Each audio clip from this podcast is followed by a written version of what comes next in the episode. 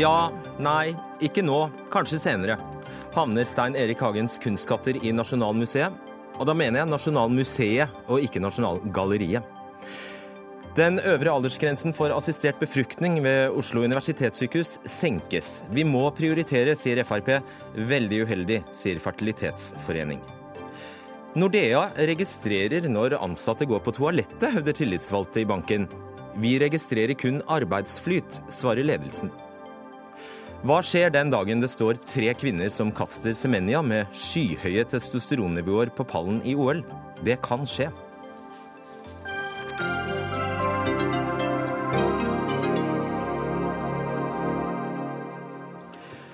Riktig god kveld og velkommen til Dagsnytt 18. Mitt navn er Fredrik Solvang. Ja, Det finnes en samling på 2000 verker om lag, som kanskje er verdt en milliard kroner, og som har tatt mål av seg å tette hullene i norske museumssamlinger. Denne samlingen tilhører Stein Erik Hagen og hans familieselskap Kanika. Og I sommer har vi kunnet følge en nokså forvirrende debatt om eh, hva som skal skje med denne helt unike private samlingen, og om hvordan vi andre eventuelt eh, kan få nyte godt av den. I dag har Hagen møtt kulturminister Linda Hofstad Helleland for å snakke om dette. Stein Erik Hagen, velkommen. Takk. Hva ble resultatet av dette møtet?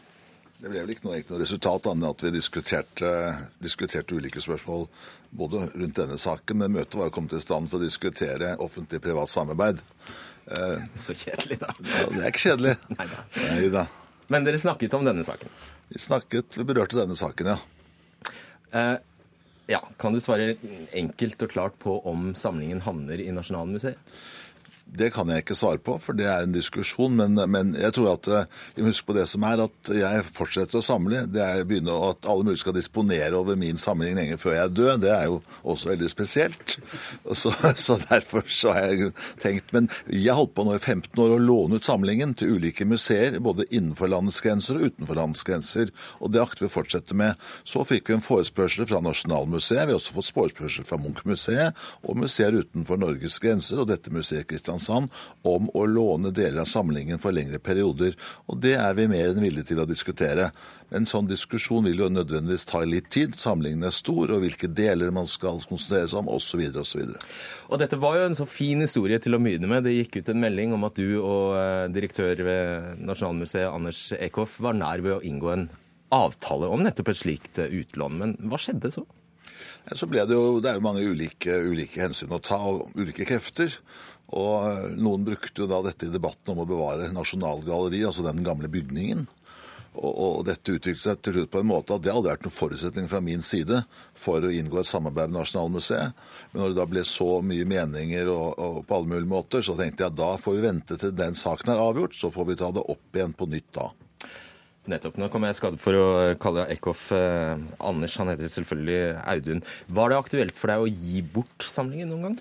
Nei, Det er en helt annet spørsmål. Det spørsmålet er jo det på om det da gis til en stiftelse, eller om det lånes ut på en kjempelang kontrakt. eller hva som helst. Det har aldri vært diskutert. Har du satt betingelser om at denne samlingen skulle stilles ut i det nye, flunkende nye Nasjonalmuseet i Vika?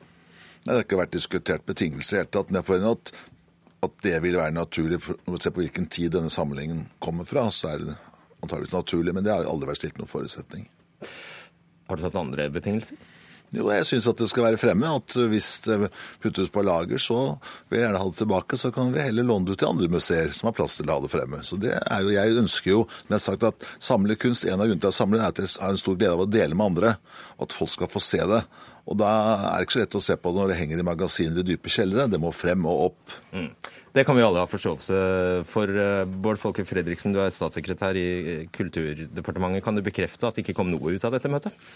Jo, jeg syns det kom noe ut av det, men det er jo først og fremst for noen har forventet at uh, det ikke skjedde noe mer. Uh, og, og, det jeg syns var veldig hyggelig at kom ut av dette møtet, det var at Stein Erik Hagen bekreftet at alle dører fortsatt er åpne for et uh, samarbeid mellom han, hans flotte kunstsamling og Nasjonalmuseet. og som han også sa, sa, i brevet til Nasjonalmuseet, at han stiller ikke som noe vilkår at man skal gjøre sånn og sånn med bygningen Nasjonalgalleriet. Og For oss er det en viktig avklaring. Eh, og så har jeg lyst til å si at eh, jeg er enig i at ikke alt som skjedde i dag var noe nytt. Dette møtet var faktisk avtalt for tre uker siden i en helt annen situasjon, hvor vi hadde lyst til å diskutere hvordan private kan samarbeide med offentlige for å, for å få bedre utstillinger. Og så vil vi høre fra Stein Erik Hagen selv hva han tenkte sin samling kunne berike ikke utfylle, supplere Nasjonalmuseets samlinger med for fremtiden. Og det syns vi er bedre å høre fra ham enn fra alle andre. Regner med du har forståelse for at han ikke ønsker at de skal havne i kjelleren, som han har sitert på? Ja, det, det er jeg helt uh, enig i. Uh, og jeg, jeg, må også få lov til å si at uh, dette er jo ikke en ny, en ny situasjon. Stein Erik Hagen har vært meget raus med å låne ut verk til norske museer og internasjonale museer over lang tid. Og jeg er helt overbevist om at vi trenger, ja vi har en god tradisjon for, og vi trenger den tradisjonen at private samlere faktisk låner ut. Enten det er tenkt bare hva Henny Jonstad, Rasmus Meyer, Rolf Stenersen eh, har betydd for dette, og nå også personer som Christian Ringnes og Stein Erik Hagen. Noe av det som har gjort det hele forvirrende, var at eh, vi her i NRK den 4. juli meldte at denne avtalen plutselig var eh, gått i vasken.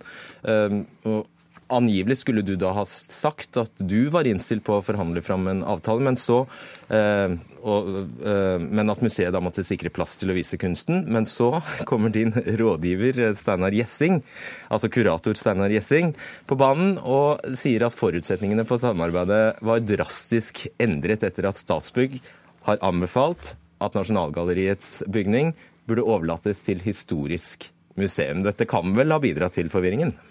klart det har blitt forvirring, og, og, jeg tror det har vært forvirring helt fra dag én hva dette egentlig er. Eh, men det er som sagt at vi har blitt, jeg har fått en henvendelse fra Nasjonalmuseet at de ønsker å låne både for kortere perioder og for lengre perioder deler av samlingen. Og så får vi se oss, Det er tross alt fem år til nye Nasjonalmuseet skal åpne, så vi har god tid. Ikke sant? Men har, det, det, er heller ikke til å legge skjul på at både du og Gjessing har meninger om hvorvidt Nasjonalgalleriet skal bestå som nettopp det. Men det er ikke noen premiss for et samarbeid med Nasjonalmuseet. Derfor så får vi vente til den saken er lagt død, og så tar vi, tar vi det opp på nytt. Det er visse andre som setter dette i sammenheng. Eh, Folke Fredriksen, de sier, eh, de sier jo bl.a. slike ting som at eh, det er stilt Altså det er fremmet en slags trussel om at samlingen kan havne i utlandet om ikke, om ikke Nasjonalgalleriet da blir en del av det nye Nasjonalmuseet. Ja, og de som sier det, får komme frem og si det. Jeg har i dag hørt Stein Erik Hagen si at han ikke har tenkt å legge noe press på den behandlingen folkevalgte organer skal gjøre.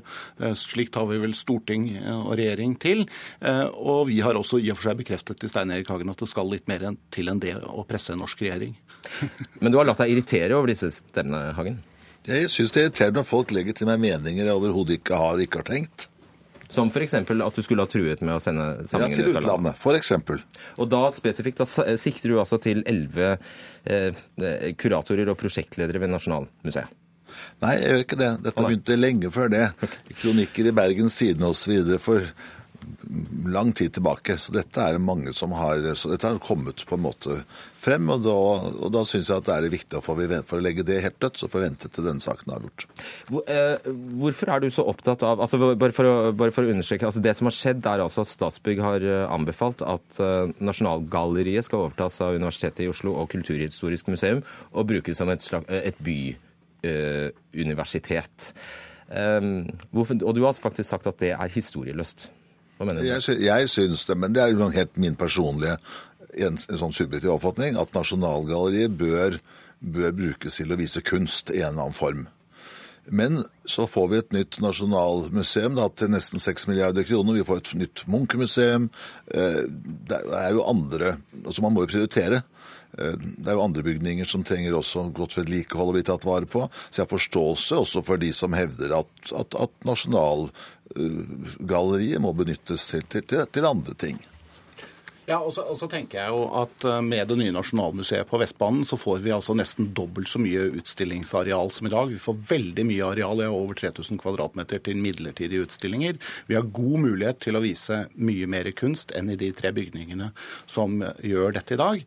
Så, men så er det faktisk sånn at når staten da bruker så mye penger som 5,8 milliarder på et, på et bygg, og kanskje også skal pusse opp Nasjonalgalleriet, så må vi ha noen ordentlige utredningsfaser, og det har vi laget systemet på for å unngå kostnadsoverskridelser. Så nå er vi inne i en fase hvor vi kvalitetssikrer den utredningen Statsbygg har foretatt, for å få kostnader, egnethet på bordet før man starter prosessen politisk med å lage en innstilling om hva som blir fremtidig bruk av Nasjonalgalleriet. Er du helt sikker på at det er plass til uh, disse 2000 verkene i, uh, på Vestbanen? Ikke snakk om 2000 verk. Jeg går ut fra at det er langt mindre enn det. At det er deler av samlingen de vil se på.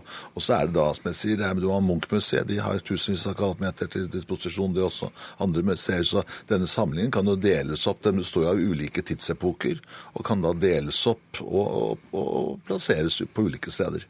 Hva er grunnen til at du ikke Alle skjønner du ikke vil ha verken i en kjeller, men hva er grunnen til at du ikke ønsker at du skal havne i gamle Nasjonalgalleriet? Jeg jeg har, ikke sagt, at jeg ikke ønsker, det, men jeg har sagt at sånn som denne debatten har blitt, så vil ikke så får alle ta stilling til det. Det har vi storting og regjering til. Og så får man da, når man vet hvilket areal og hva man har til disposisjon, så får man sette seg ned og se hvordan man da gjør dette. Hva er din analyse? Hvorfor har det blitt så mye, hvorfor det blitt så mye bråk? Nei, jeg tror at er, her, er det, her, er det, engasjement, og det er flott. Det er så mange som er engasjert. Det er så mye følelser, det er så mange interesser. Og da blir det sånn. Og det er for så vidt bra. Da får vi dette, debatten opp, og, og folk blir interessert, og vi får mer oppmerksomhet rundt, rundt billedkunst. Så det er bra. Er det bare udelt positivt? Ja, jeg tror det er positivt med engasjement, men jeg har også vært med så lenge i politikk at jeg vet at det er mange som er motstandere mens man holder på med en byggeprosess. Men når prosessen er over, så er det veldig mange som kommer tilbake og sier at du verden så flott dette blir. Og sånn kommer det også til å bli med det nye Nasjonalmuseet på Vestbanen. Bare minner om debatten rundt Ekebergs kulturpark som nå tror jeg alle i Oslo trykker til sitt bryst. Og Norge har en fantastisk mulighet til å bli et av de mest spennende kunstmålene og områdene for fremtiden, med ikke bare nytt nasjonalmuseum og nytt Munch-museum, men også eh, bidrag fra private samlere som Hagen, eh, Ringnes, eh, Astrup osv. Vi skal straks få inn i studio her Ulf Grønvold, som er pensjonert seniorkurator, og som støtter disse elleve som jeg nevnte, nevnte i sted. Oppfatter du eh, Fredriksen, at alle spiller med åpne Alle de med det store engasjementet Hagen eh, snakker om, eh, har de, har de helt åpne agendaer?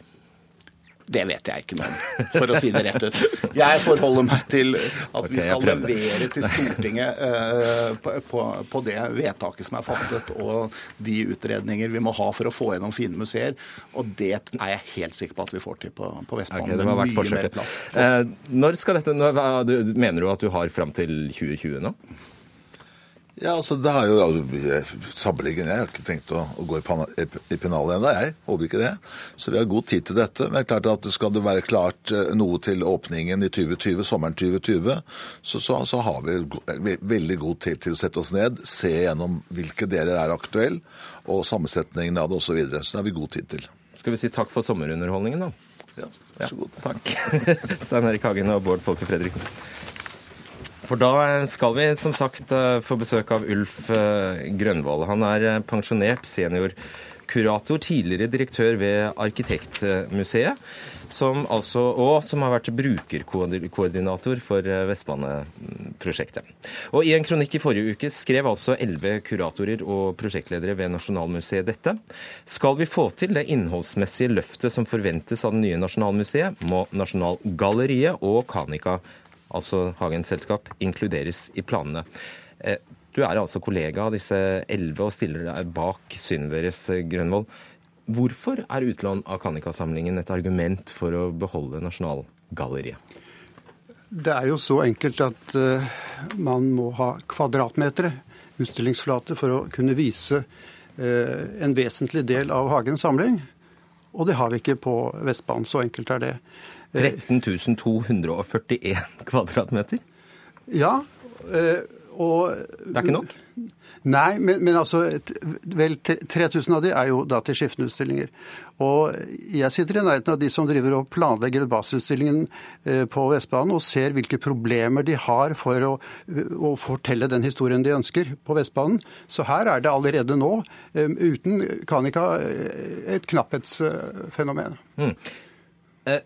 Men så forstår vi jo, hvis vi leser mellom linjene her, så virker det jo som eh, at dere kan ha falt for eget grep fordi det som nå skjer, er bare en utsettelse. Nå har Hagen fått nok. Jeg syns det er helt greit at uh, man tar en pause, uh, en timeout, og, og, og, og, får tenkt over situasjonen. det er nok litt problematisk for de som driver og planlegger basisutstillingen, men, men, for alle andre så er det ikke noe farlig. Men det, det, som er viktig her, er jo å, å si altså hvis man vil vise en vesentlig del av Kanika-samlingen, hvor gjør man det? Altså, Man har bare Vestbanen til disposisjon. Og hvis man da skal uh, ha mer arealer, er det et annet sted uh, enn en Nasjonalgalleriet som peker seg ut for Nasjonalmuseet? Jeg, jeg, har ikke noe annet svar eh, på det. Og så er det veldig viktig det som Hagen nå har understreket, at han har aldri ønsket å presse seg inn i Nasjonalgalleriet. For det er snakk om en fullstendig integrering av de to samlingene. Og hans, det meste av hans samling tilhører den 1900-tallet og vil naturlig høre hjemme på Vestbanen. Uh, hypotetisk spørsmål. Uh, hvis det hadde vært god plass på Vestbanen og bedre enn den du, du beskriver, så alle kobberstikk og renessansebilder hadde fått plass, ville det da vært greit for deg at Nasjonalgalleriet ble brukt til noe annet? Det er klart det er to, eh, to, perspektiver her. Det ene er det kulturhistoriske, som er det som eh, veldig mange har kjørt på i lang tid. og Senest var det en kronikk eh, av Jøgot nå, nå nylig. Men jeg ja, og, og det syns jeg ikke er uvesentlig. Men for, for, meg er det nå viktig å få løst den, den, situasjonen som vi er i, med at det i realiteten ikke er muligheter for å ta imot uh, store private samlinger på Vestbanen. Du svarte ikke på spørsmålet. Mitt jo. hypotetiske spørsmål om, altså, som egentlig, det jeg egentlig vil fram til, er, er uh, har dere, har dere skjøvet Kanika-samlingen foran dere i en kamp for å bevare Nasjonalgalleriet som et galleri? Uh, det er klart at Nei, jeg vil ikke si det. Altså, men det er, det er, mer en, en realitet. At, at man, må, må stille, man, et spørsmål hvor kan man få vist disse bildene? Når det ikke er på Vestbanen, hvor er det da? Eh, og, eh, men i tillegg så er det klart at f.eks. når du går inn i Nasjonalgalleriet og, og, og, og, får disse kobbertavlene på hver side som forklarer hele Nasjonalgalleriets historie, med hvem som har bygd det og, hvem som har gitt gavene, så er det klart at det å omdefinere den, den bygningen til noe helt annet, det er en dramatisk situasjon situasjon som du ikke finner ellers i Europa. Og Det perspektivet skal vi ha med oss. Foreløpig eh, takk skal du ha, Ulf Grønvold. Eh, nå trengs det litt oppklaring her, Agnes Moxnes, kulturkommentator i eh, NRK. Hva handler dette om, egentlig? Det handler egentlig om to ting. Det ene er kampen for å bevare Nasjonalgalleriet. Og det andre er jo selvfølgelig samlingen til Stein Erik Hagen, som er en veldig verdifull samling. Spesielt for Nasjonalmuseet, fordi at den er samlet inn med tanke på å fylle ut de manglene Nasjonalmuseet har. Eh, og dette er to brennheite debatter, fordi at eh, det er veldig verdifullt for et nasjonalmuseum å få kloa i den samlingen til, til Stein Erik Hagen. Eh, og ikke bare låne enkeltverk, men å ha kontroll over den. Og så er det selvfølgelig slik at i løpet av dette året så skal det avgjøres hva Nasjonalgalleriet skal brukes til. Er det legitimt om man så hadde gjort det, altså skjøvet Kannikat-samlingen foran, foran, seg i en kamp for å bevare Nasjonalgalleriet, som det jo finnes uh, gode argumenter for? Er det legitimt? Altså Det viktigste uh, er jo hva slags museum altså Det er viktig for Nasjonalmuseet å få uh, Kanika-samlingen. Men det å pre... Altså det er, jeg syns ikke det er rart at mange har oppfattet Stein Erik Hagen at han har brukt Eh, den samlingen sin som en brikke i det spillet som pågår nå. Til og med Trine Skei Grande, som er en ihuga forsvarer av Nasjonalgalleriet, at Nasjonalmuseet fortsatt skal drive det, sa i, i sommer at vi lar oss ikke presse av Stein Erik Hagen. Dette må politikerne faktisk finne ut av på egen hånd, uten at de presses til det. Så du tror det er det Hagen egentlig mener? Ja, det er veldig vanskelig å skjønne hva Stein Erik Hagen mener. Han vingler fælt, og han sier i det ene øyeblikket at han skal låne ut. Noen ganger ymter han frempå at han kanskje skal, at den skal doneres. Eh, noen ganger nå er det liksom, åpner han opp i samtale med kulturministeren i dag, så har han åpnet alle dører. Men han, han, det er halvkvedete viser som kommer fra Stein Erik Hagen nå, og det kan være at det er gjort i velberåd. Ja, OK, greit. Tusen takk skal dere ha, Agnes Moxnes og Ulf Grenvold.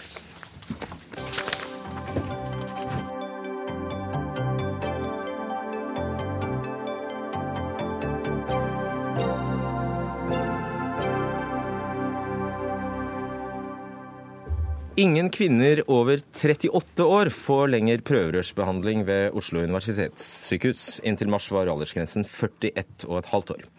I tillegg blir foreldre som allerede har fått barn ved hjelp av prøverør, nektet behandling. Kapasitet og høy etterspørsel skal være hovedårsakene til endringene. Oslo universitetssykehus troner på toppen av lista over antall prøverørsbehandlinger i 2015 med 2436 behandlinger. Eh, men i år har altså tilbudet blitt innskrenket, eh, og det er dårlig nytt for eh, dere. Lise Bøck Jacobsen, styreleder i Den norske foreningen for fertilitet og barnløshet, barnløshet ønskebarn. Dere reagerer. Ja, men det gjør vi. Vi synes det er alvorlig. Det er svært uheldig at tilbudet blir strammet inn for denne gruppen, hvor tid faktisk spiller en avgjørende faktor for mange av de som står i køen. Her snakker vi om par som er utredet for så få fertilitetsbehandling.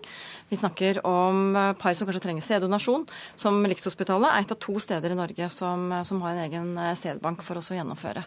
Så, så vi syns dette her er beklagelig. Klinikkleder ved kvinneklinikken på OUS, Bjørn eh, Bussund. Som sagt, eh, det skal være kapasitet og høy etterspørsel eh, som, som legges til grunn her for endringene. Hva betyr det egentlig? Først må jeg få lov å korrigere. Det er altså slik at Vi har satt aldersgrensen til 39 år. Kvinner opp til 38 år og 11 måneder og noen dager de får fortsatt behandling. Vi har midlertidig redusert denne aldersgrensen fra 41,5 år, som du sa, fordi vi har en eh, tilstrømning som overstiger kapasiteten, på tross av at vi har utvidet kapasiteten eh, med 80 behandlingsforsøk hvert år fra 2014, og også i år kommer til å gjøre det. Og, vi, og det skal gå utover kvinnene? Nei, men når vi gjør det, så er det fordi at hvis vi ikke gjør det, så vil ventetiden bli så lang at kvinner risikerer å komme fra en fase hvor de har gode sjanser til å bli gravide, til å komme i en fase hvor de har dårligere sjanser fordi alderen innhenter dem. Og det vil jo ramme kvinnene vel så mye som Eh, som om vi nå, eh, nå eh, ikke hadde gjort disse eh, forandringene. Beklager dette her. Det går, helt, det går, helt, fint. Vi går til deg, leder i helse- og omsorgskomiteen på Stortinget, Kari Kjønaas Kjos fra Fremskrittspartiet. Eh, du kan vel, Det er vel ikke vanskelig å forstå at eh, ønskebarn reagerer, vel? Nei, det er ikke vanskelig å forstå. Foreningen Ønskebarn skal jobbe for sine medlemmer, akkurat som foreninger for andre problemer eh, skal jobbe for sine. Og i eh, en hverdag hvor sykehuset har fått beskjed om å kutte ned på ventetider eh, for alle, så må jeg jo nesten få lov til å la sykehuset fortelle meg at de mangler areal og de mangler fagpersoner akkurat nå. Og at de jobber med det, og at de har hele tiden utvidet tilbudet. Men så har jeg lyst til å legge til at vi har faktisk fritt behandlingsvalg i Norge. Og eh, de forskjellige sykehusene gjør forskjellige ting. Det er ingen sykehus som gjør alt. Eh, og Derfor har vi fritt behandlingsvalg. og Det betyr at de kan reise til andre steder hvor det er kortere ventetid. Så det er jo ikke sånn at dette er en ordning som gjør at alle kvinner som er 38 år og 11 måneder og noen dager, nå ikke lenger skal få dette tilbud I det hele tatt, eller forever. Ikke sant. Eh, Jacobsen, det finnes offentlige klinikker for dette i Porsgrunn, Trondheim, Haugesund, Bergen og Tromsø. Og det er to tasseklikk unna. Det er riktig. Men det er som sagt, som det ble sagt her, det er ikke alle klinikkene som har det samme tilbudet. Og for noen så vil det være et godt valg å kunne reise, f.eks. de fra Oslo som kan reise til, til, Porsgrunn. Men det er ikke mer enn et års tid tilbake at Porsgrunn meldte om at nå var det lang kø der, så dette svinger. Så det vi er opptatt av, er jo at det totale tilbudet står i samsvar til den økte tilstrømningen man faktisk har sett. Og det er også noe med at vi vet jo ikke helt hvorfor. Noe skyldes mannen, en tredjedel skyldes kvinnen. Noe finner man aldri helt ut av, en tredjedel finner man aldri helt ut av. Så vi er jo opptatt av at tilbudet står i eh, stil med det som er behovet. Jeg, jeg skjønner det, men selv, og selv om det, dere er en, eh, en interesseorganisasjon, eh, så er det jo lov for dere også å, å, se at i en situasjon med knappe ressurser i landet, så er det et lite offer å dra fra Oslo til Porsgrunn, der for øvrig køene ikke køene, De klarer å ta unna der nå. Ja, de, de, de, de, sier så, vi har snakket med dem.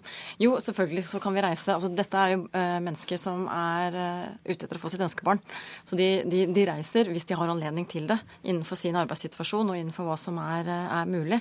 Men, men, jeg tenker også i en overgangsperiode så er det ofte som for andre medisinske tilbud, så drar man jo inn og benytter seg av de private tilbudet. Det kunne man sånn sett ha gjort her også. Private klinikker har jo merket økt tilstrømning, de også.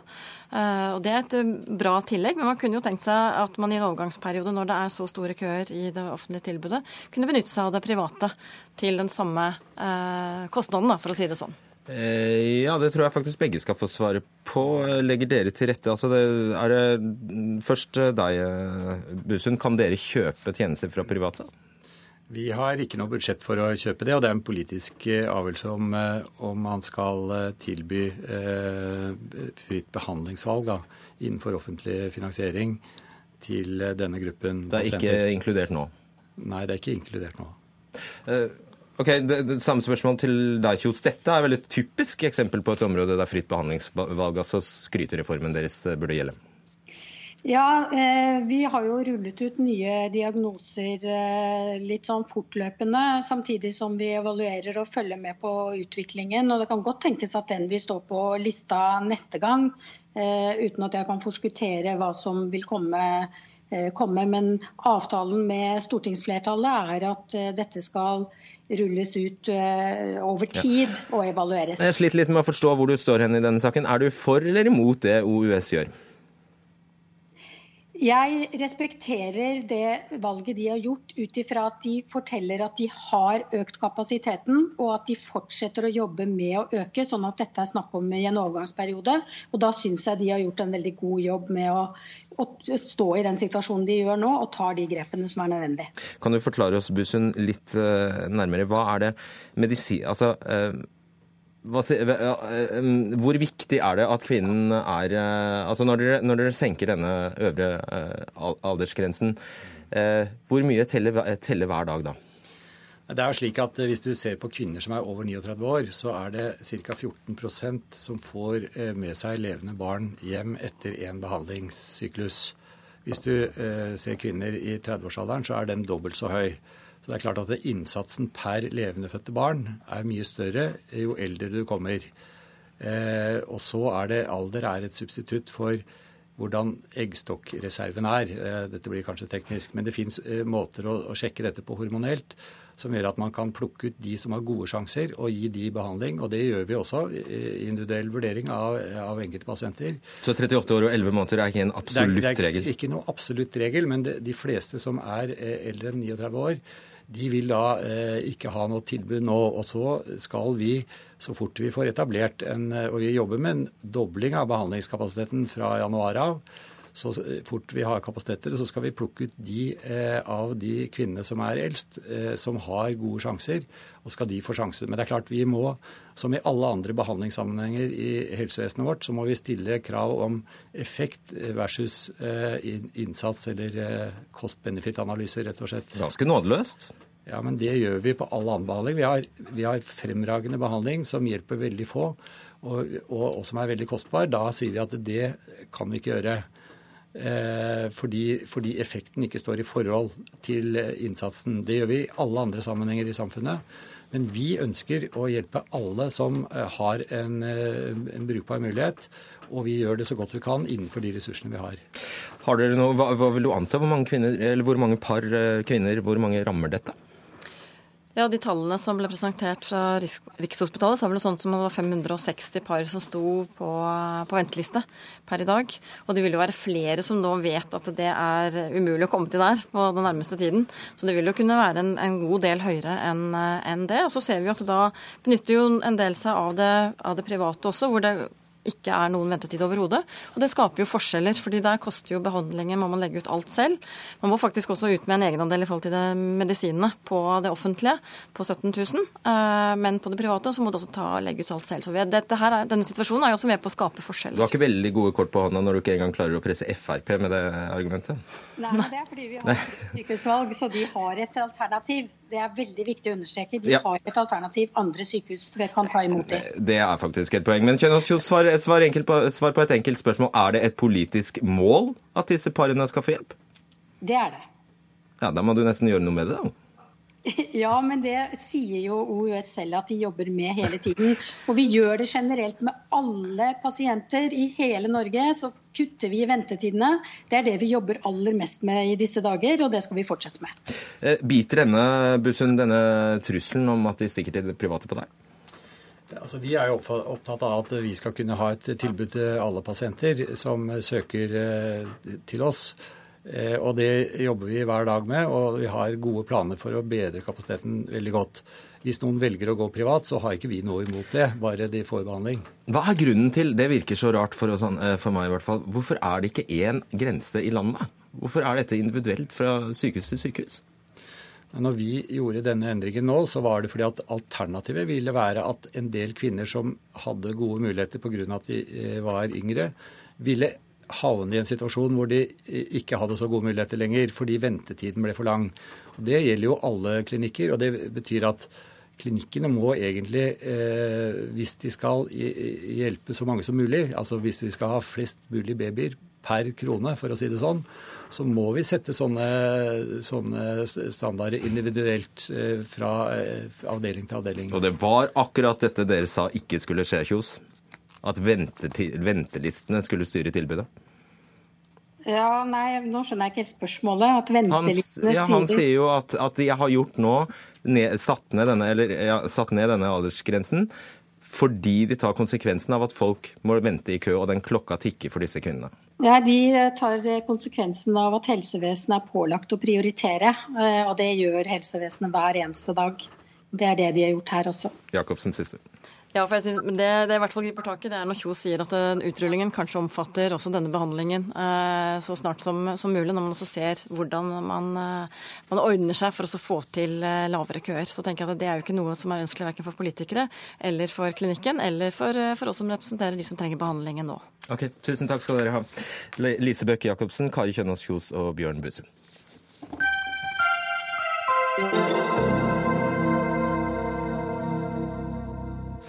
Etter å ha lest Dagens Næringsliv i dag, er det nok de færreste av oss som eh, gjerne vil jobbe i Nordea. For der blir ansatte målt på effektivitet gjennom et dataprogram, der bl.a. toalettbesøk gir dårligere uttelling. Ja, Det var iallfall historien de tillitsvalgte fortalte, og nå har de sendt et brev til Datatilsynet der de ber tilsynet vurdere om det er lovlig. Nordea vil ikke stille til debatt om dette, men sier at de nå eh, går igjennom rutiner knyttet til time- og oppgaveregistrering for å sikre at dette brukes i henhold til avtalen med de tillitsvalgte. Pål Adrian Hellmann, du er leder i Finansforbundet, og dere har sendt dette brevet til Datatilsynet ja. sammen med de ansatte i Nordea. Forklares først, hva er det som kontrolleres og måles? Det er omtrent alt det du gjør når du er i arbeidssituasjonen. Og det er tid, tidsregistrering på den tiden du bruker med kundene. Det er tidsregistrering av det du faktisk skal yte til enhver tid. Også registrering av den tiden du ikke sitter på plassen din. Så rommet for å ta en prat med kollegene sine, rommet for å høre på kundene, lytte til kundene, ha den tilstrekkelige tiden til å gjøre det, det er ikke lenger til stede. Og jeg vil gjerne få lov å fortelle at i Den Believe for noen år siden, eh, som hadde et lignende program, så testet vi det mot eh, Datatilsynet, som sa at dette ikke var lovlig. Og nå gjør de det på en helt annen måte. Mm. Og er dette, er dette toaletteksempelet satt helt på spissen, eller medfører det faktisk riktighet? Ja, jeg vil kanskje begrense meg til å kalle det for personlige behov. Og så kan jo noen andre fortelle hva de driver med den tiden. Men det som forundrer meg, er at man fortsetter med sånne typer måleregimer som dette. Dette er gammeldags. Hvem er det som måles? Alle eller noen? Alle i en avdeling. Ok. Uh, og da skal jeg også smette inn at Nordea understreker at de tar på alvor at medarbeidere føler seg overvåket, og sier at det er arbeidsflyten som skal måles, ikke de individuelle prestasjonene. Tone Vestby, du er kommunikasjonssjef i Finans uh, Norge. Altså uh, Arbeidsgiverorganisasjonen. Arbeidsgiverorganisasjonen ja, til Nordea. og du mener dette er en type måling vi kommer til å se mer av, faktisk? Ja, og det begrunner jeg med at vi har et arbeidsliv nå som er under veldig sterk omstilling. Eh, vi ser eh, helt nye typer arbeidsoppgaver og nye måter å jobbe på, f.eks. gjennom digitalisering. Og da vil ledelsen i en virksomhet, både i finans og andre næringer, ha behov for å se om de virkemidlene og tiltakene de setter inn, har den effekten de ønsker. Og Den type målinger er én måte å gjøre det på. Og Da tror jeg ikke at ø, hovedhensikten er å sjekke hva folk bruker den personlige tida på, men det er å se at arbeidsflyten er god, at de har den riktige kompetansen i virksomheten, og at arbeidsflyten er sånn som den skal være. Men hensikten vel, spiller jo ingen rolle hvis det er utfall, da? Det er viktig hva slags dialog det er mellom ledelse og ansatte, eller tillitsvalgte og ledelse. Eh, og det er jo en helt grunnleggende eh, suksess variant her. At det fins en god dialog, og at det er en tillit i bånn når man innfører sånne måleregimer. Ja, og det virker det ikke som det finnes her. Nei, og jeg må jo si jeg blir mer og mer forundret. Eh, I en digitalisert verden så skal vi ha mer måleverktøy. Da er det sånn at da bruker vi de måleverktøyene fordi vi kan. Det vi trenger er aktiv ledelse og tett på ledelse som ser hele mennesker og ser alle de egenskapene som de menneskene har. Hvordan foreslår du at man skal måle effektivitet og produktivitet? Jeg tror at det viktigste er, hvis vi skal ha målinger, at vi måler det som er utkommet av alt arbeid som ytes. Og at man måler på større grupper. Da får vi alle egenskapene i den gruppen med. Noen er gode til å hjelpe hverandre, noen er gode til å selge, noen er gode til andre ting. Og det samlede resultatet er jo det vi i så fall kan måle på. Så tar du opp en ting som er veldig viktig, og det er dialogen mellom eh, ledelse i en bedrift og de tillitsvalgte. Det er helt grunnleggende at det er til stede for å ha systemer som er akseptable. Men vi har eksempler på at det ikke har hjulpet. Man følger ikke de avtalene som er blitt inngått. Uh, ja, heldigvis så har vi jo regler i arbeidslivet som skal følges, uh, og juridiske rammeverk som arbeidsmiljøloven og personopplysningsloven som setter klare krav til hvordan dette skal foregå. Her er det jo det, det som skal prøves, da, er det ikke det? Jo. Og så er det jo viktig at uh, vi får testa det, da. For det er helt sikkert riktig at noen ganger så går man utover det som, som er liksom begrunnelsen og det, det, som er godt med å gjøre sånne ting. Ja, for det er da jeg lurer på Det kommer man jo ikke bare i skade for å gjøre. Man kommer jo ikke bare i skade, skade for å overvåke eh, medarbeiderne på utilbørlig vis. Jeg tror ikke en ledelse vil ha til hensikt å overvåke medarbeiderne, men at det kan oppleves sånn av noen hvis ikke dialogen er god nok, eller man har hatt eh, skikkelig tillitsbyggende tiltak på forhånd, så kan det være enkelte som opplever det. Bare forklar for oss. Dette systemet har faktisk fungert slik at andre på teamet da, eh, kunne se, gå inn på systemet og se hva Eh, de andre har registrert. Eh, hva har det innebåret? Dette innebærer jo at man, har, man, kjenner seg overvåket på flere fronter. Det er jo ikke sånn at alle skal ha tilgang til det som kan måles. Det er heller ikke sånn at bestefar, oldefar og tippoldefar-prinsippet skal være sånn at alle kan gå inn og se og ta ut resultater. Snarere tvert imot så skal jo dette være basert på tillit. Det er et ord som du også bruker. Det er også sånn, Vi er nødt til å stole på folk når folk sier at de føler seg overvåket, og det går utover deres arbeidssituasjon, og at de føler at det er en stressende situasjon. Av stress kommer det ingen gode ting. Og så er det et perspektiv her som heller ikke er til diskusjon hos dere, og det er kundeperspektivet. Og Vi har gjort en undersøkelse gjennom vår nordiske organisasjon òg eh, om at hvis det er elementer av måling med goodies i enden, så prefererer man enkeltprodukter over andre produkter. Det er ikke sikkert det er det kundene skal ha. Og Kundeperspektivet må hele tiden være intakt her. Det er jo interessant at du drar opp kundeperspektivet. For jeg tror at det er hovedårsaken til at en del næringer i finans og andre som er konkurranseutsatt, og som eh, konkurrerer hver dag om kundene, iverksetter sånne type måleinstrumenter. Fordi kundene stiller andre krav nå enn de gjorde tidligere. Det er andre krav til leveranser og behov som skal dekkes. Og derfor så er det viktig at virksomheten er satt opp med riktig kompetanse, riktige ressurser og riktig arbeidsflyt for å møte de behovene. Og det er nettopp kundene som skal møtes eh, på en riktig måte. Og Hellmann, man kan jo eh, for alt vi vet, så kan, kan, de stå der uten noen jobb og, og, være overtatt av roboter før denne saken blir avgjort av Datatilsynet, liksom. Men nå er det jo ikke det som er denne diskusjonen. Vi, diskusjon, vi har jo en diskusjon rundt Det er jo en problemstilling. Det er en problemstilling som vi nok kommer til å diskutere ganske mye, og ikke bare i finansnæringen. Men når vi har måle, målesystemer, så må jo de være i respekt for den organisasjonen man faktisk jobber i og jobber for. Og jeg har et veldig enkelt utgangspunkt. Det er at folk vil jobbe, folk vil yte. Så har jeg respekt for at bedriftene skal se resultatet av all det jobben som blir gjort. Og Grunnlaget for dette er at det er kompetanse til stede, at man jobber godt og at man jobber riktig. Men jeg tror ikke at målesystemene sånn som de i noen av disse tilfellene blir brukt, er det som skal til for å få det utkommet man ønsker seg. Nei, eh, det er ikke sikkert. Jeg kjenner ikke det eh, enkelte målesystemet her. Men på generelt grunnlag så tror jeg det er bra at næringslivet eh, er bevisst på at de har et framtidsretta arbeidsmarked. At de er kompetente, og at de kan møte de utfordringene som arbeidslivet framover krever at de er satt opp til. Eh, og så må man være sikker på at ikke det får utilsikta negative konsekvenser for de ansatte. Ikke sant, det er nøkkelen. Ja. Tusen takk skal dere ha, Pål Adrian Hellmann og Tonje Westby.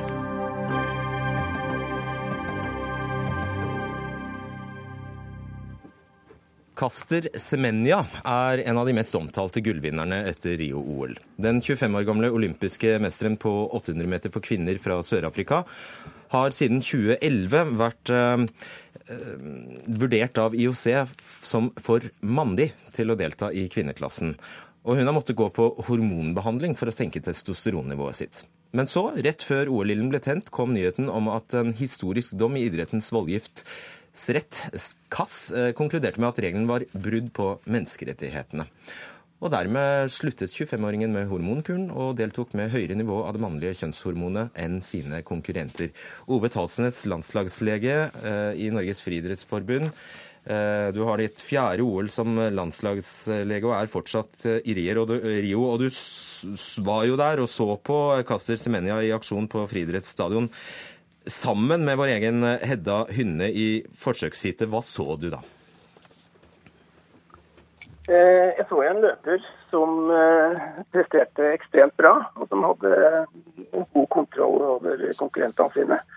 Eh, som ser litt annerledes ut, eh, som kanskje løper litt annerledes enn jenter flest gjør, eh, og som vinner et olympisk gull. På en veldig overbevisende måte? Ja, på en veldig overbevisende måte. Denne, denne dommen, det var, det var, ikke Semenya faktisk som utløste denne, eller denne dommen gjaldt ikke Semenya, men en indisk friidrettsutøver, faktisk. Men hvilke, hvilke, konsekvenser har den for friidretten, eller for så vidt for all kvinneidrett?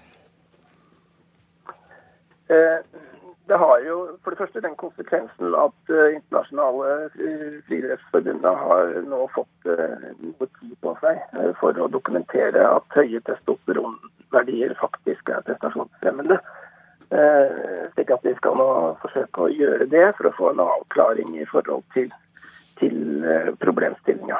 Eh, det er en veldig sammensatt og veldig komplisert problemstilling. Eh, det høres enkelt ut å, å karakterisere folk i to kjønn. Men vi har personer som, hvor kjønnskarakteristika ikke passer inn i de normative grensene vi har mellom kjønn. Altså et slags mellomkjønn, intersex, som det brukes internasjonalt. Eh, som begrep. Og det er kompliserte greier. Eh, det er sammensatte greier. Det er ikke klare grenser mellom kjønna, eh, slik som en kan tenke seg. Det er heller ikke klare grenser mellom internt i forskjellige øvelser. Det er klart det er en seleksjon i forhold til hva du skal drive. Det er ingen tvil om at de som driver med kastidretter også på kvinnesida, Eh, de har genetisk disponering i forhold til kraft og styrke. og Det er de som selekteres til å drive de øvelsene.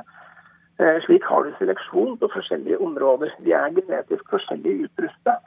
Og det er klart at Usain Bolt er et menneske som dukker opp kanskje med tiår imellom, eh, som er over 195 cm høy, har kanskje bare hurtige fiber i sitt genmateriale og har et hode som sier prestasjon og løp fort. Og det er klart, mm det finnes ikke mange mennesker av den typen der. Eh, men du kan allikevel ikke lage klasser for alle eh, som skal delta. Noen vil føle det urimelig, som er født med, med mindre hurtige muskelfibre og kan da ikke delta på samme, Ikke på samme utgangspunkt og samme grunnlag. Sigmund Loland, du er professor ved Norges idrettshøgskole, seksjon for kultur og samfunn. Det vi snakker om her, det denne dommen faktisk innebar, var egentlig at man opphevet denne grensa på eh, det som kalles 10 nanomoler per liter eh, blod med testosteron. Så nå, eh, nå kan man ha så mye testosteron man bare vil. Og eh, det vanlige nivået for kvinner eh, er mellom 1 og 3,3 slike nanomoler per liter, per liter blod. Er det da rettferdig at Kaster Semenya får konkurrere blant kvinnene?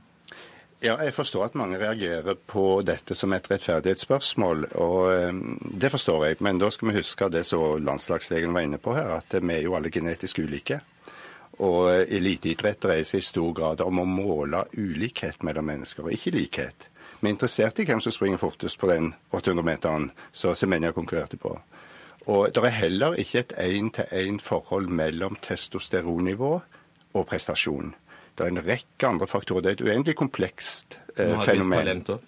Du må ha talent, du må jobbe hardt, du må ha motivasjon. Du må ha, altså Apropos genetiske forutsetninger, du må ha ledd, du må ha muskelutspring, ligamenter, altså sener. Du må, du må være bygd for idrett. En seleksjon. Du står på startstreken sammen med syv eller i store heat på lengre distanser en rekke andre utøvere som er strengt selektert. Og de er ulike oss andre. Gen generelle statistiske verdier fra normalbefolkningen er ikke så interessante. Men likevel, det, eget, eh, det, har, det, er en egen kategori. Det kalles hyperandrogene. Ja.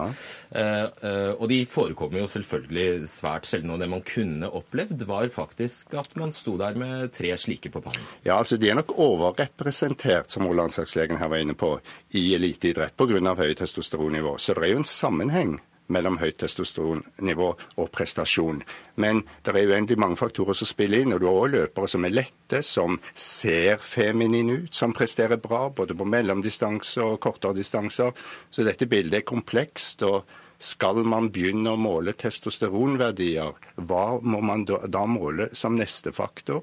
Eh, biomekaniske forhold i kroppen, eh, kardiovaskulær, eh, altså hjerte-kretsløpkapasitet. Så vi må finne oss i at eliteidrett handler om, i en viss forstand, ulikhet i genetiske forutsetninger, pluss den veldig harde og lange jobben som skal til for å bli god. Men Talsnes, er det noen vits for kvinnelige idrettsutøvere med helt vanlige eh, testosteronnivåer å, å stille på startstreken? Ja, det er veldig farlig hvis vi begynner å, å tillegge én faktor her eh, i hele prestasjonen. For det er ikke riktig. Helt enig med hva Loland sier i forhold til akkurat det. Det er, det, det er en mengde faktorer som er en del av en prestasjon. Dette er én faktor. Eh, vi er ikke Toppidrett handler om å utfordre normalitetsbegrepet. Vi er ikke ute etter normale prestasjoner, vi er ute etter unormale prestasjoner. Eh, De gode, de store. Eh, Det betyr at det er genetiske varianter i forskjellige idretter, avhengig av hva du skal prestere, som dyrkes frem.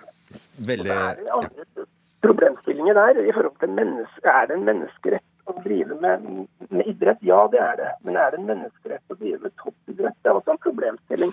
Eh, som det går an å, å forstå konkurrentene til Semenya på. Ikke sant. Og da eh, koker det ned til slutt, Lola. Nå, nå må du være rask. Talsnes, eh, Talsnes er inne på noe. Jeg bare tenker en annen ting. Der er en form for sexisme inni disse vurderingene våre. Ingen av oss problematiserer Usain Bolt, som er mye mer suveren på sine distanser enn det kaster seg Ja, men Vi har jo sine. kvinneidrett fordi de i utgangspunktet fra eh, biologiens side er svak. Men det er ikke sikkert at det testosteronnivået er det avgjørende i Semenias prestasjon. Det er mitt budskap. Det er langt mer komplekst enn det, så her må vi være forsiktige. Tusen takk skal dere ha. Det er fascinerende, da. Tusen takk skal dere ha, Sigmund Loland og Ove Talsnes.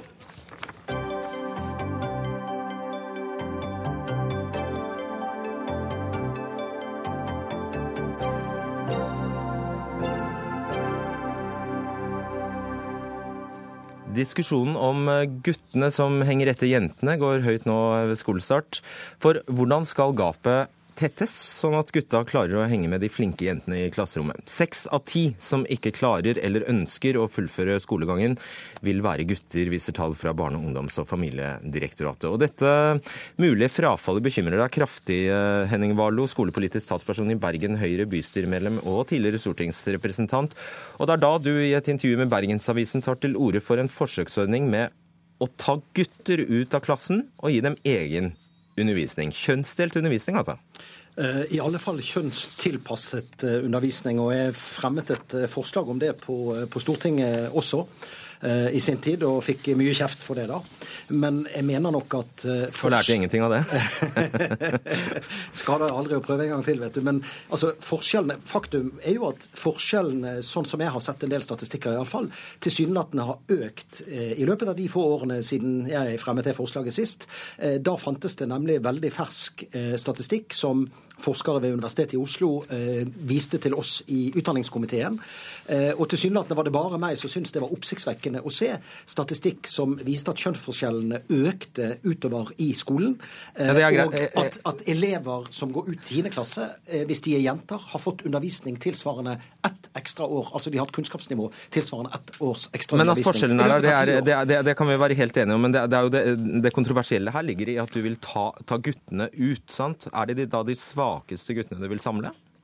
Eh, vel, det kan være naturlig å samle de svakeste elevene til eh, spesielt tilrettelagt undervisning. Det skjer jo faktisk i skolen i dag. Der er et eget prosjekt for elever som, som gjør det veldig dårlig det siste halve året på 10. klasse, hvor de kan få ekstra tilrettelagt undervisning. Det burde sannsynligvis ha vært satt inn mye tidligere.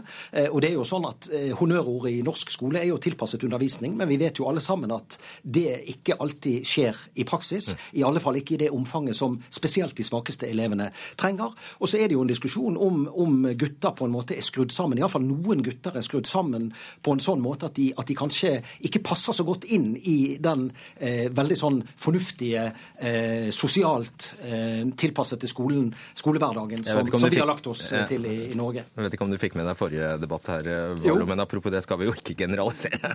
Nei, men, Nei. Men, men, det var et interessant uh, apropos, for det, at det er jo sånn at norsk skole skal jo ikke ta hensyn til kjønnsforskjeller.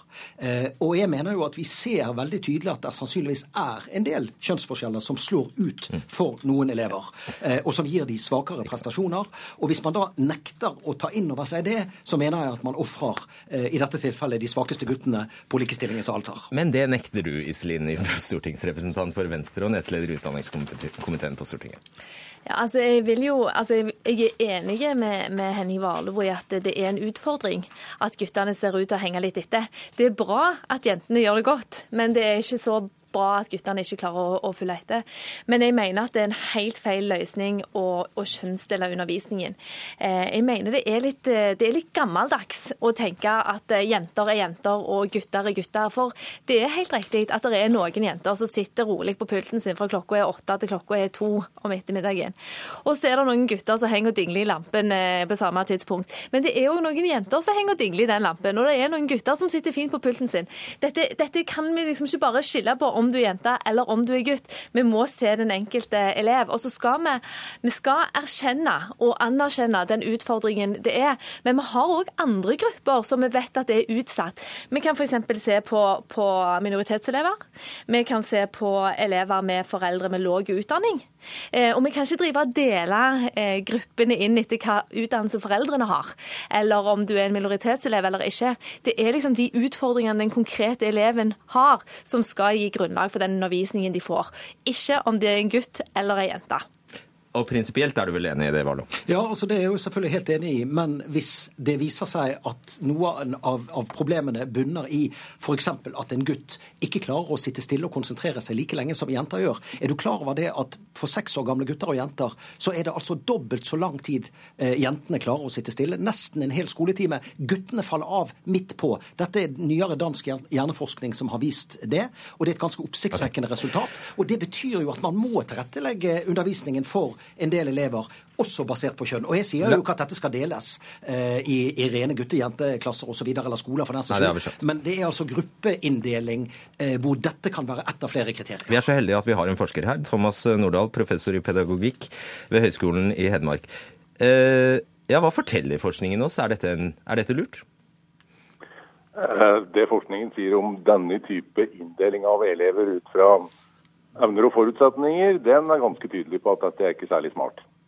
Fordi at Hvis du tar svake grupper av elever, elever som presterer litt dårlig i skolen, i egne grupper, så skjer det to ting. Det ene er at det blir dårlig med rollemodeller, altså noen de kan strekke seg etter. Og det andre er at de elevene lett vil oppleve sosial stigmatisering. Barn og unge har lyst til å være som de andre, og det å bli tatt ut sammen med noen andre som ikke gjør det bra, det fører til en type opplevelse av at de er ikke så gode som de, de andre. Så da skal man bare la bråkebøttene styre og sørge for at alle blir middelmådige? Nei, det syns jeg ikke. Eh, da trenger vi lærere som klarer å styre alle elever. Eh, og det som skjer en, en tredje ting, og det er at forventningsnivået til disse elevene kommer til å synke. Og når forventningsnivået synker, så blir prestasjonen deres enda dårligere. Men vi har forskning i dag der vi har sett på skoler der gutter og i Norge der gutter og jenter gjør det like bra, så det er fullt mulig å få til uten denne type tiltak. Der fikk du den, Vallo. Ja, men eh, jeg leste veldig en veldig interessant sak i Dagbladet for noen år siden. Det var inspirasjonen til mitt forslag på Stortinget. Eh, der hadde man altså et stort problem på en skole hvor det var gutter på ungdomsskoletrinnet som bråkte, og som ikke klarte å nyttiggjøre seg undervisningen. Så laget man et eget opplegg for åtte av disse guttene. Eh, og det var et opplegg med mer fysisk aktivitet, kortere timer, annerledes pedagogikk muligens, litt fastere rammer, litt mer disiplin, litt mer konkurranse, ikke så mye sosialt samarbeid, som jentene er veldig gode på. Og resultatene var så gode at de naturligvis søkte om å få lov å forlenge dette prosjektet. Og da fikk de nei, for dette er jo egentlig noe som er forbudt å gjøre. Du henviser, til, så mye, ja, unnskyld, Vallo, du henviser til så mye forskning at det er så fristende å bare dobbeltsjekke med forskerne, rett og slett. Stemmer det, Nordahl, at, at gutter er så forskjellige fra jenter?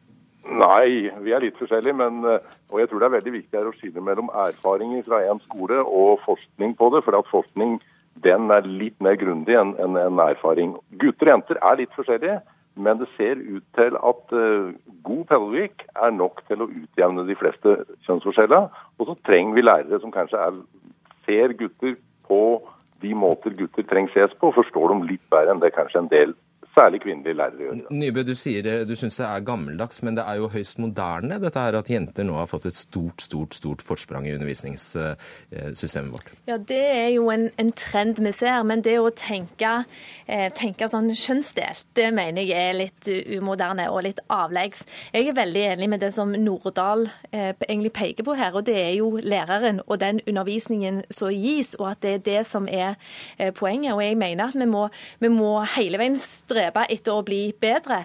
Eh, både med tanke på hva type lærere vi har. Det er bra å ha lærere av begge kjønn, det mener jeg eh, virkelig. Men så mener jeg òg at det, det, må legges til rette for variert undervisning. Eh, Nå har vi nettopp vært gjennom en svær diskusjon om at vi har klasser på 26 elever ja. osv. Og da må, ha, da må vi ha nok ressurser i skolen til å klare å gjøre det. Og det er jo òg litt av bakgrunnen for at Regjeringen og eh, KrF og Venstre har blitt enige om å bevilge 750 millioner kroner til å flere lærere inn i begynnelsen av barneskolen, altså første til fjerde klasse. Nå er Det klart at det er ikke, det er ikke én ting som løser den utfordringen som, som dette er. Det må jo være en, et sett med ting. Og Hadde vi visst den ene tingen, så hadde vi jo gjort det. Men at det er å skille gutter og jenter, det tviler jeg på er svaret. Du skal få siste ord, eh, Valua. Nå må det være ganske, ganske kort. Altså det, det, du kan jo risikere, som Nordahl sier her, at disse gruppene blir helt redselsfulle å være i, disse guttegruppene? Ja, men vi kan også risikere det motsatte, nemlig at dette blir et veldig populært og bra tiltak for gutter som i dag sliter i skolen. Og jeg mener det at, eh, at hvis man har problemer slik som dagens skole er organisert, så må vi som politikere være villige til å la skolene få frihet til å prøve nesten hva som helst eh, for å få bedre resultater for de svakeste elevene, for de som har problemer. Eh, og vi kan ikke liksom ri noen kjepphester og si at nei, sånn kan vi ikke ha det. Da får heller disse elevene seile sin egen sjø. Det fortjener de ikke. Ålreit. Dere fikk avslutte denne Dagsnytt 18-sendingen. Henning Warlo, Iselin Nybø og Thomas eh, Nordahl. Ansvarlig for eh, Dagsnytt 18 i dag var Fredrik Lauritzen. Finn Lie var i teknikken. Og jeg heter Fredrik Solvang, og vi ønsker god kveld.